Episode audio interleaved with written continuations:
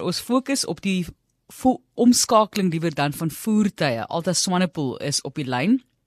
En daar is soveel dinge wat mense dalk met hulle voertuie wil doen, baie keer vir werk, meer spesifiek 'n kar na 'n bakkie of 'n paneelwa na 'n taxi, so baie reëls wat ook geld daarvoor. Alta is privaat padverkeer en vervoer wetgewingskonsultant en ons gesels daaroor met haar vandag. Baie welkom aan jou Alta. Baie dankie. So daar is verskeie redes hoekom mense dalk 'n voertuig sal wil omskakel, maar mens kan nie net doen wat jy wil nie, nou, daar's baie reëls. O ja nee, die padverkeerswet is baie voorskrifklik wat voertuie aanbetref. Ons het 'n hele vragreëls wat binne die departement van handel en nywerheid en vervoer val spesifiek vir nuwe voertuie. Ehm um, die wetgewing bepaal daar's 'n nare woord wat mense nooit verstaan, homologasie van voertuie. Sjoe. Dit is 'n proses waar die voertuie sê maar Mercedes besluit hulle wil 'n nuwe ehm um, tipe uh, model in die mark bring. Dan moet hulle een van die voertuie aan die um, nasionale reguleerder van uh, ons praat nie in Afrikaans met die goed nie. In NRCS is hulle afkorting is 'n National Regulator of Compulsory Specifications. Hulle moet dan die voertuig toets teen 'n stel standaarde wat die remme en die onderstel en die ligte en die gewig en alles van daai voertuig toets om te kyk dat hy aan Suid-Afrikaanse standaarde voldoen. Daar's sulke spesifikasies vir enige ding wat hulle aan die publiek verkoop. Ehm um, mikrogolfowne en wasmasjiene en motorkarre ensovoorts. En wanneer die ding dan voldoen, kry hy 'n modelregistrasienommer en hy mag daarna verkoop word. Slegs voertuie wat so 'n registrasie het, mag in Suid-Afrika verkoop word. Nou die probleem is die oomblik wat jy die voertuig gekoop het en jy besluit iets op hom pas jou nie en jy wil dit verander, dan maak jy daai voertuig onmiddellik onpadwaardig. Goed, so gee vir ons net 'n idee van ek het nou 'n paar dinge uitgewys daarso. Gee vir ons 'n idee hoekom mense 'n voertuig sal wil verander. En soos ek gesê het, meestal voel dit vir my dit is om om hom aan te pas sodat jy besigheid kan doen vir entrepreneurs. Ja, die een van die hoofgoed wat mense doen is natuurlik uit 'n koste-oogpunt om geld te bespaar. So baie ouens koop 'n paneel waar. Ehm um, daar was ook 'n hele storie so ruk terug met al die kwantums, die nasionale ehm um, departement en die parlement is nog steeds besig om te ondersoek waar hulle al die paneelwaan omgeskakel het na taksies toe. En die voertuie is dan eintlik baie gevaarlik want 'n taxi word gemaak met soos drie chassis pype en wanneer jy die sitplekke en so voort vassit aan daai voertuig dan moet hy vas wees aan die hele chassis. En die oomblik wat jy dan nou 'n paneelwa gaan koop en jy ehm um, sit sitplekke daarin, dan maak jy in die eerste plek ehm um, gate in die onderstel wat daar baie keer kom die ehm um, uh, koolstofmonoksied van jou uitlaatpyp daardeur en dit ehm um, affekteer die uh, mense. Verder is die voertuig se struktuur nie meer reg nie. Ehm um, so een van jou groot omskakelings is maar um, om te probeer om kostes te bespaar en, en die tipe van ding te doen. Dan is daar 'n hele groot groep mense daar buite wat um, die paneelwaans koop om vir hulle self 'n uh, 'n motorhuis te te bou. Nou dit is dit raak vir ouer ouer mense baie keer 'n stopwerkie of hulle koop dit R2 by iemand en dan koop hulle hulle self 'n vreeslike gat in die sak. Die voertuig nadat hy omgeskakel is, moet deur 'n proses gaan wat hulle 'n letter of authority proses noem. Waar indien die voertuig se oorspronklike beskrywing sê maar nou 'n paneel waar was en hy verander nou in 'n motorhuis. Ehm um, dan moet hulle nou gaan die die die padverkeerswet praat van 'n motorhome, dan moet hulle deur 'n proses gaan waar hulle al die omskakelings wat hulle gedoen het, moet hulle gaan dokumenteer op 'n aansoekvorm en dit moet aan die NACS voorgelê word. Die proses kos hier by die R10000 en hulle gaan kyk dan of die voertuig in sy nuwe hoedanigheid voldoen. En dan registreer hulle hom as 'n motorhome op die stelsel. Nou daar's vreeslik baie ouens daar buite wat ongelukkig gaan. Hulle gaan koop 'n ding, hulle besef nie op die lisensieskyfie staan daar nog steeds die voertuig is 'n paneelwaan. So hy's nooit volledig omgeskakel nie. En die voertuie is dan eintlik onpadwaardig. Verkeersbeampte stop die ouens en sê vir hulle waar is jou professionele bestuurpermit? Jy het nie die regte lisensie nie want hierdie is 'n kommersiële voertuig wat jy nou mee ry en hy's onwettig omgeskakel. So daar's baie um, plekke waar mense daar in 'n gat val en dan jou ander vreeslike gewilde ouetjie is die manne wat hierdie straatrenne doen. Hulle gaan koop 'n voertuig en dan noem hulle dit hulle droppie chassis en hulle maak die stuurwiel kleiner sodat hulle nou lekkerder met hom kan jaag en ehm um, dit is ook heeltemal onwettig in terme van die wetgewing.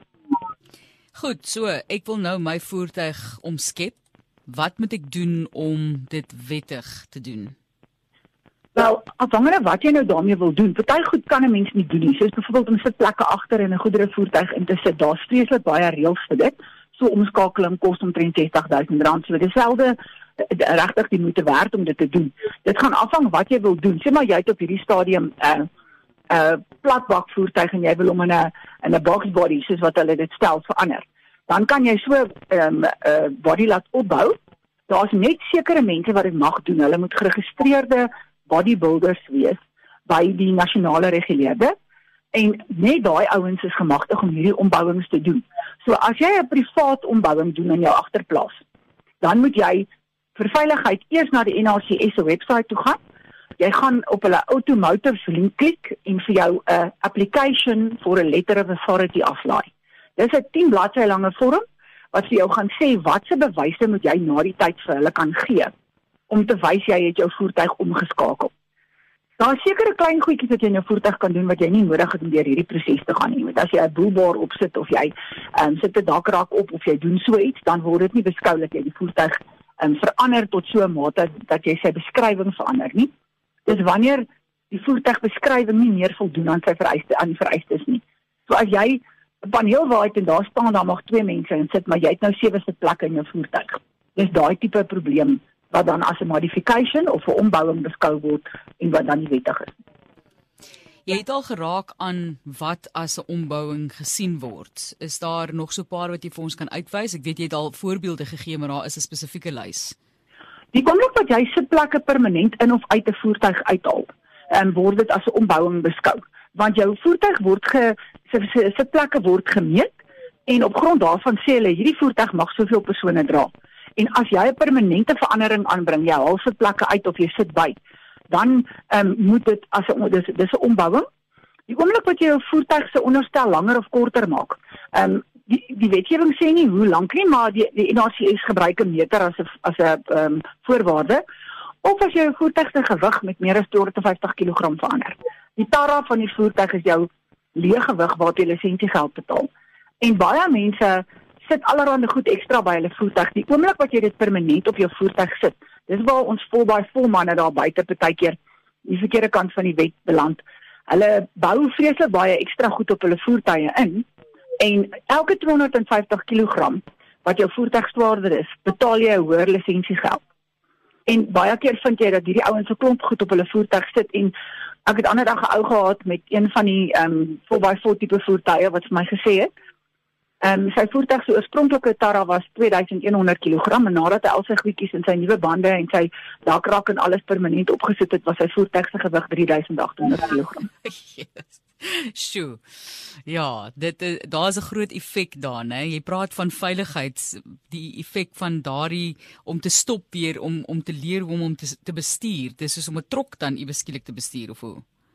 Wel hy word baie swaarder en die probleem is nou laai met baie van hierdie voertuie, die vervaardiger van 'n voertuig um sit uh, hulle noem dit 'n GVM of 'n BVM. Dit is 'n bruto voertuigmassa. Dis die maksimum kapasiteit wat die voertuig met sy vrag kan hê. Nou party mense bou hulle voertuie so om dat die volgewig van die voertuig naderhand maar, maar maar sonder dat hulle mense of goedere of iets in het meer weeg as wat die maksimum kapasiteit is. Nou wat dit dalk vir mense 'n probleem kan raak is Ehm um, veral deesdae met die baie ondersoeke wat gedoen word wanneer daar ongelukke is, is die assessore wat die goed na kyk, ehm um, kan kom sien jy het nou vir jou heeltemal nuwe baie swaar bande op die voertuig gesit en hierso is nou 'n hele pak stelsel hier agterin en jy het jou shocks verander en alles, dan begin dit 'n ding raak waar hulle sê maar jy het die voertuig so ver omgebou dat hy nie meer aan sy oorspronklike vereistes voldoen nie en as gevolg daarvan wil die versekerings nie uitbetaal as jy 'n ongeluk gemaak het. Dit is hier op RSG Alta Swanepoel wat met ons gesels oor voertuigomskakelings. Wat sê die wet? Wat mag jy? Wat mag jy nie? Ons sê vir jou baie dankie. Mense kan dalk ook by jou aanklop om hulp as hulle wil weet, as hulle nou 'n sekere omskakeling van 'n voertuig wil doen, kan hulle vir jou kontak. Jy is 'n privaat padverkeer en vervoer wetgewingskonsultant. So eintlik breedvoerige werk wat jy doen. Ek dink ons moet gereeld met jou gesels Alta want soos die baie tans lyk, like, nê, nee, ek sê vir jou Jo, swaar as mens op die pad gaan en sien hoe mense bestuur en wat hulle byvoorbeeld vervoer, wat jy kan sien hopeloos se swaar is ook vir daai voertuig of hoe. Nee, definitief nie. Ek dink ongelukkig dit is seker waar die heel meeste oortredings op 'n daaglikse basis in hierdie land gepleeg word op ons paaie. Ek dink mense probeer ook oorleef, jy weet, daar's op een vlak waar jy iemand wil oordeel aan die ander kant dink jy ook jy wil jy, jy het empatie met 'n persoon, jy weet, vir hoe hulle hoe die voertuig nou lyk. As baie mense ek sê nou die dag eh, ook na die Grendeltydperk nou hierdie ekonomiese effek begin het, hoe baie karre mense sien wat langs die pad staan en daai mense het hierdie geld om daai kar te gaan haal of reg te maak nie. So mense sien dit meer en meer. sien julle ook dat mense besig is om hulle dienste en so meer uit te stel? Nie wiele te bevang nie en so aan. Ja, definitief alles van dit is duur en natuurlik die die probleme wat daar is op die oomblik by die owerhede om jou um, padwaardigheid te kry en om jou bestuurderslisensie te hernie en goed veroorsaak dat baie van die mense onwettig rondry want hulle goed is nie op datum nie. Ehm um, en en die boer maak 'n plan beginsel in Suid-Afrika is ook baie gewild. Jy weet, as 'n ding vir jou pla dan verander jy hom gou-gou en uh, dit ongelukkig baie ouens besef nie die implikasies daarvan is hulle maak hulle voertuig onwettig in die proses nie. Jy weet, dit is 'n uh, Ehm um, dit is 'n dit is 'n Suid-Afrikaanse manier van doen. As jy sien ietsie werk nie, dan verander jy dit totdat jou pas. En ongelukkig as dit nou by die wetgewing kom, dan beteken dit jy maak nou jou wettige voertuig onwettig.